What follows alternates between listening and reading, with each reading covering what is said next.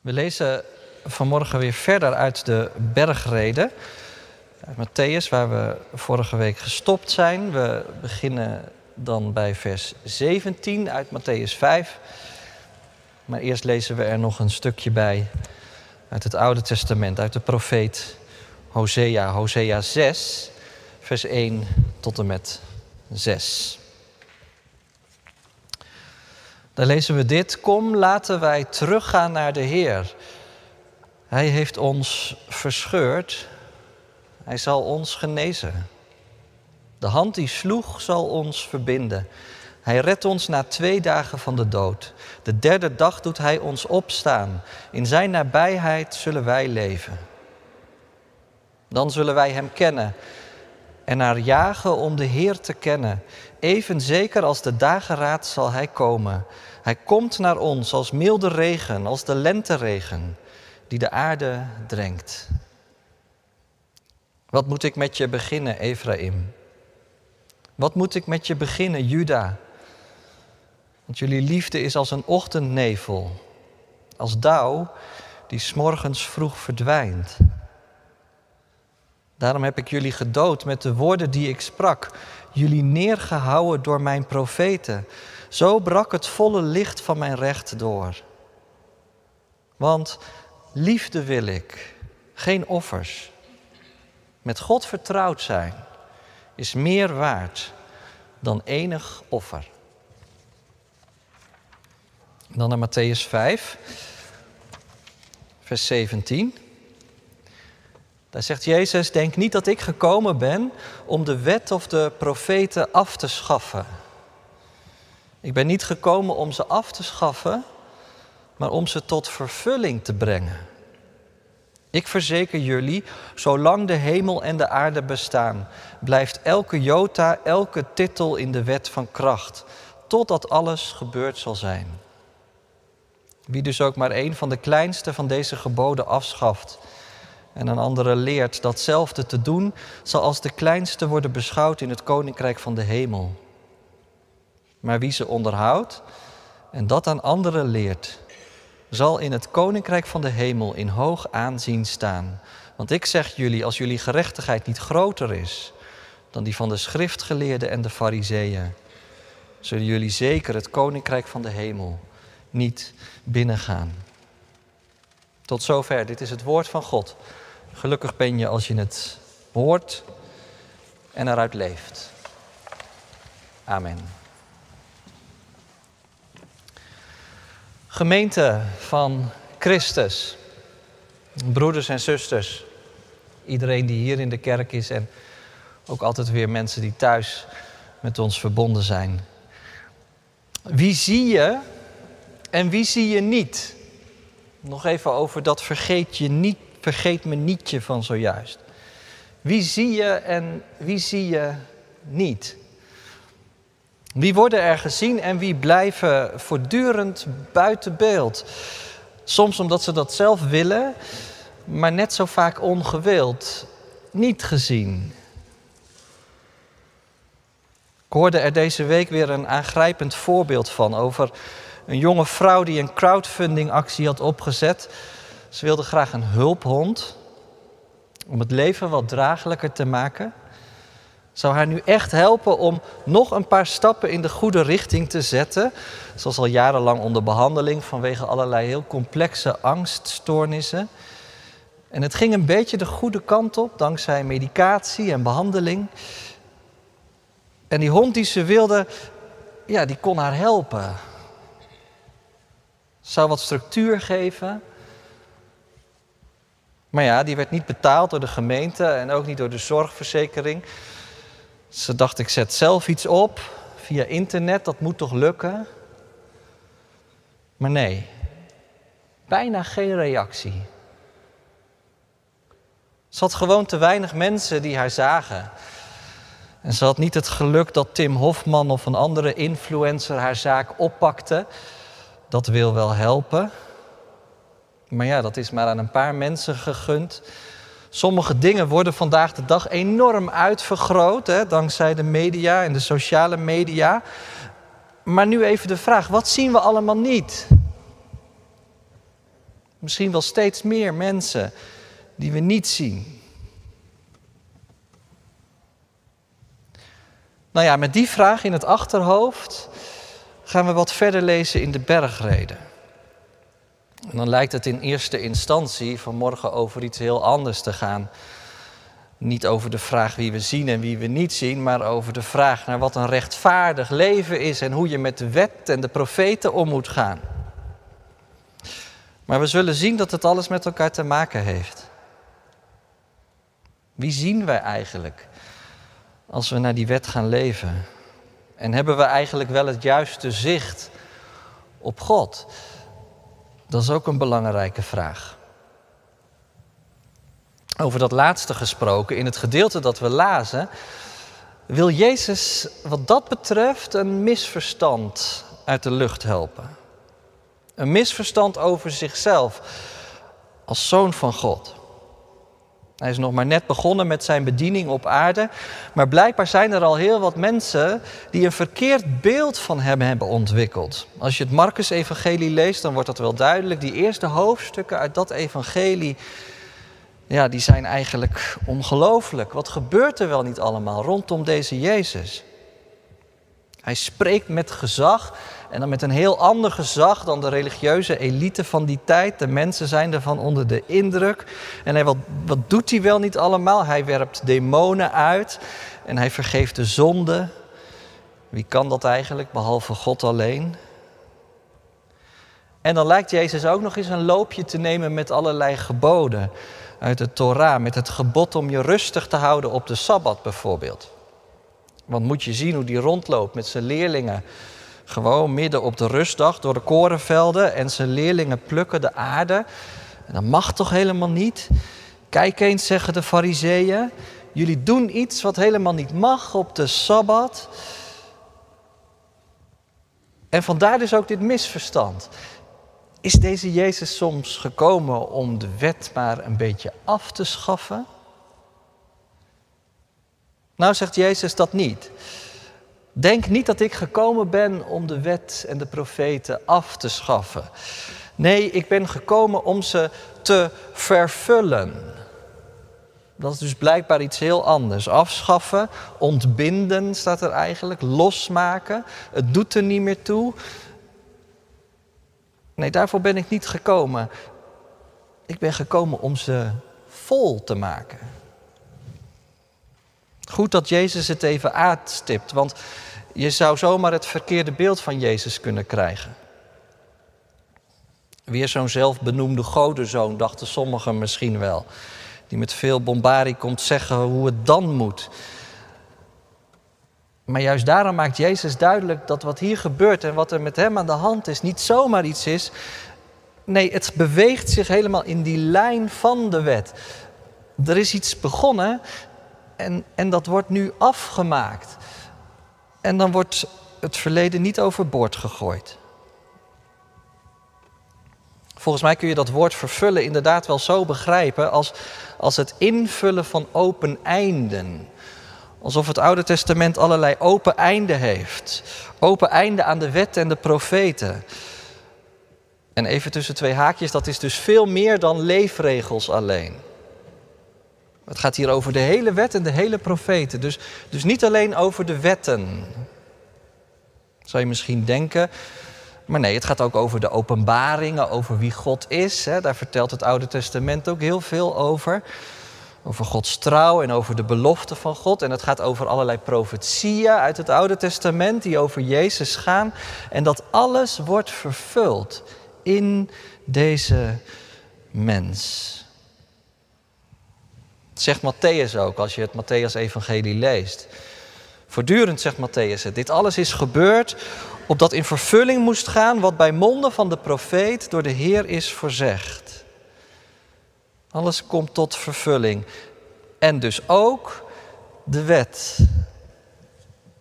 Het is wel belangrijk om je te beseffen dat in de Joodse traditie de wet een soort levende traditie is. Dat is geen, geen, geen dode letter, Nee, dat is iets dynamisch. Daar zit beweging in. Daar blijf je mee aan de gang. Dat is openbaring. las een hele mooie uitleg bij nota bene een Joodse rabbijn bij deze tekst over wat Jezus hier zegt. Volgens de Talmud zijn er 613 voorschriften aan Mozes overgeleverd, schrijft hij. Dat zijn 365 verboden, voor elke dag één. En 248 geboden, voor elk gewricht van de mens één. En toen kwam David en die maakte er elf van. En daarna Jezaja en die maakte er zes van. Zie je, daar zit die beweging. En toen kwam Jezaja nog een keer en die maakte er een enkele van door te zeggen: de rechtvaardige blijft leven door het geloof. En tenslotte kwam Jezus. Haalde die nog iets weg? Nee, hij voegde iets toe, namelijk zichzelf. Nou zie je, dat is een heel mooi beeld van wat hier eigenlijk gebeurt, van die dynamiek die in die wet en de profeten zit. Die is in beweging en die komt dan nu tot zijn vervulling in Jezus Christus. En je voelt meteen wel aan, dat vraagt dan ook om een keuze. Geloof je dat? vraagt Jezus aan de leerlingen die om hem heen zitten. Geloof je dat ik een centrale plaats inneem in de geschiedenis? En dat er met mij echt iets gebeurt? Of ga je liever de weg van de fariseeën en de schriftgeleerden? Dat zullen we nog zien. Maar die gaan op een hele andere manier met die wet en de profeten om. Die dachten dat het genoeg was om je aan de letter van de wet te houden. Maar denk nog even aan dat stukje dat we net lazen als leefregel voor ons leven. Wat Jezus zegt tegen die jonge man. Als je onverdeeld goed wilt zijn, dan moet je veel verder gaan dan die wetten. Dan moet je eigenlijk alles verkopen wat je hebt en terugkomen. En dan moet je, en dat is het belangrijkste, mij volgen, mij. Jezus. De vervulling van de wet. Nou, dat is dus het eerste. En daarom ook vanochtend voor ons die vraag van, ja, wat zie jij eigenlijk in Jezus? Maar ook wel, wat is je geloof eigenlijk? Hoe krijgt dat nou eigenlijk vorm? Want ja, ik denk dat we het eigenlijk allemaal wel herkennen, dat, dat wetticisme ook wel wat heeft. Dat je niet een persoon volgt, maar dat je gewoon wat regels hebt. Geeft hou vast.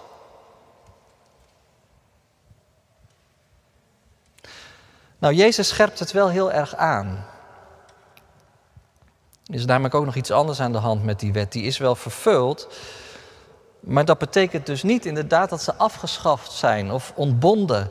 Ze zijn nog zeker van waarde. Jezus zegt zelfs, elke jota en elke titel van de wet, de kleinste tekentjes uit het Hebreeuws, blijven overeind.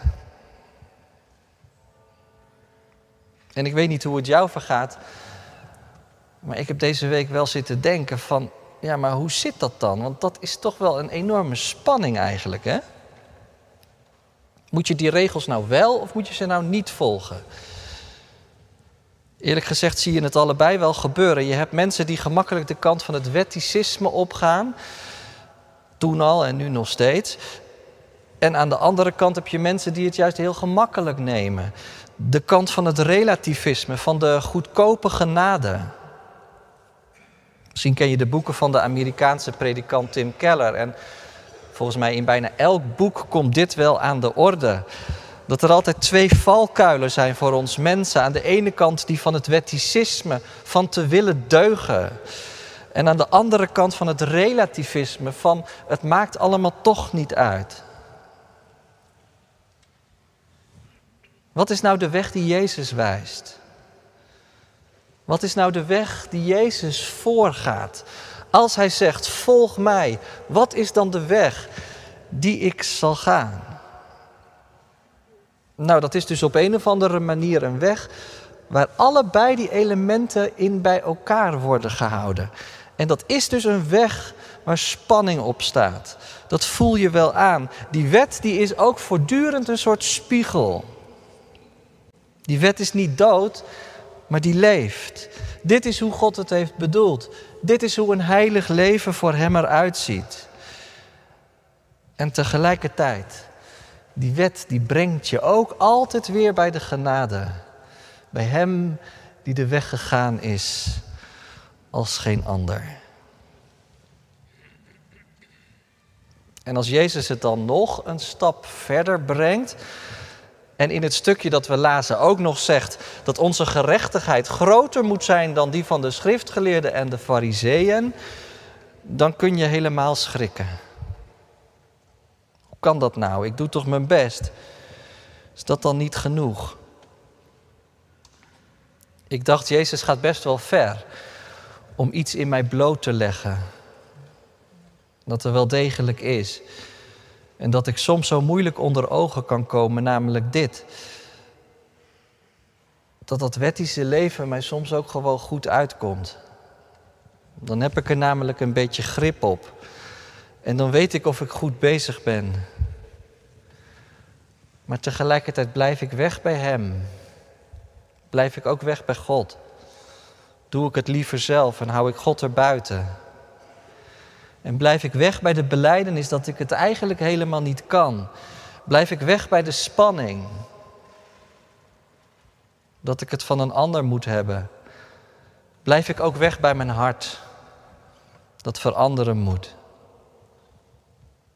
Waardoor ik zicht krijg op God en op mijn naaste. Kijk, als Jezus zegt, laat je gerechtigheid groter zijn dan die van de schriftgeleerden, wat bedoelt hij daar dan eigenlijk mee? Wat bedoelt hij eigenlijk met dat woordje groter? Betekent dat dat ik dan 700 regels moet volgen in plaats van 600 nog wat? Nou, volgens mij helemaal niet. Volgens mij is het eenvoudiger dan je denkt. Als Jezus zegt, laat je gerechtigheid groter zijn dan die van de schriftgeleerden en de fariseeën, dan zegt hij eigenlijk, laat het dieper gaan. Het gaat niet om de buitenkant, om wat je allemaal doet zo netjes. Nee, het gaat om de binnenkant, om je hart, om de liefde die erin gelegd is, om de vertrouwdheid met God. Ik vond in het Evangelie van Lucas wel een aangrijpende illustratie bij precies dit. Want daar wordt dezezelfde tekst van Jezus direct gevolgd door een gelijkenis in Lucas 16. En je kent het verhaal misschien wel als je vaker in de kerk komt. Over de rijke man en de arme Lazarus. Kijk, die rijke man die had het allemaal perfect voor elkaar. Lees het maar eens een keer na in Lucas 16. Hij kon zich kleden in purperen gewaden en fijn linnen, net als de fariseeën in die tijd overigens. En zijn leven is letterlijk één groot feest. Staat in de gelijkenis niets over zijn geestelijk leven, maar ik denk dat het best ook nog een vroom mens is geweest. Zal zich vast aan heel veel regels hebben gehouden. Netjes. Maar als deze man uiteindelijk in het dodenrijk zijn ogen opslaat en ziet dat hij op een enorme afstand van de hemel verkeert, dan roept hij de aartsvader Abraham aan, die hij daar ziet. En hij noemt hem vader.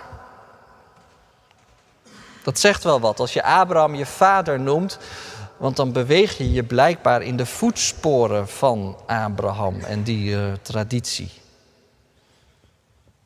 Maar gezien de kloof tussen hem en Abraham, is die man blijkbaar nog nooit vertrouwd geraakt met de God van Abraham. En nu het bijzondere in dat verhaal, want er is ook een arme bedelaar. En die heet Lazarus. En die eindigt nota bene aan het hart van Abraham. Op een plek waar hij, zegt Lucas, door de engelen naartoe is gebracht. Hij had jarenlang bij de poort van die rijke man gelegen, overdekt met zweren. En steeds maar weer had hij gehoopt dat ze hem zouden zien. Maar je krijgt de indruk dat dit een vergeefse hoop had. De rijke man had hem nog nooit gezien, maar nu ineens wel. En nu had hij ook nog een vraag. Weet je, ga even terug.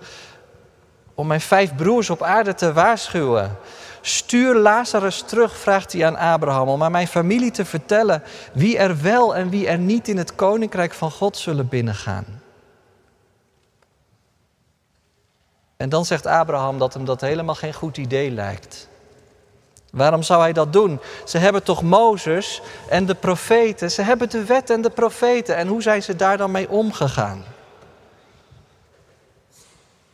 Kijk, dan ben je bij de kern van de tekst van vandaag. De wet en de profeten, die wijzen toch gewoon de weg. En die wijzen niet de weg naar wat je allemaal moet doen om keurig netjes te leven, maar die wijzen de weg naar het hart. Luister naar Mozes en luister naar de profeten. En laat dat een levende openbaring zijn van wat God met je wil. En wat wil God dan met me? Nou, dat hebben we gelezen bij Hosea. Weet je wat ik van jullie wil? Liefde, geen offers. Dat je met God vertrouwd raakt. Daar ben ik op uit. En dat is meer waard dan welk offer je ook maar brengen kunt. En als je zo de profeten gaat lezen, dan kom je nog veel meer op het spoor. Jeremia bijvoorbeeld, die ook die beweging maakt vanuit de wet naar het hart. Een geweldige belofte. Ik zal mijn wet in jullie binnenste leggen. Ik zal mijn wet in je hart schrijven. En moet je kijken wat je dan allemaal gaat zien. Kijk, wie vertrouwd met God raakt, die ziet Jezus. En die weet dat Jezus deed wat ik nooit kan doen. Maar die wil hem wel achteraan. Die ziet Jezus die zichzelf toevoegt aan de geschiedenis door de weg van de gerechtigheid te gaan. En als ik dat zie en als ik Hem omhels, dan verandert er iets in mijn hart. Dan wil ik Hem inderdaad achteraan om te zien wie Hij ziet en te gaan waar Hij gaat. Dan ga ik de weg die het midden houdt tussen wetticisme en relativisme. Dan ga ik een weg die goed voor mij is. En goed voor de mensen om mij heen. Moest denken aan een mooi lied. Misschien ken je het wel, een soort gebed. Ik open mijn hart voor de Heer die ik dien. Ik open mijn hart, laat mij zien met uw ogen. Open mijn hart. Maak het sterk en bewogen. Ja, open mijn hart. Amen.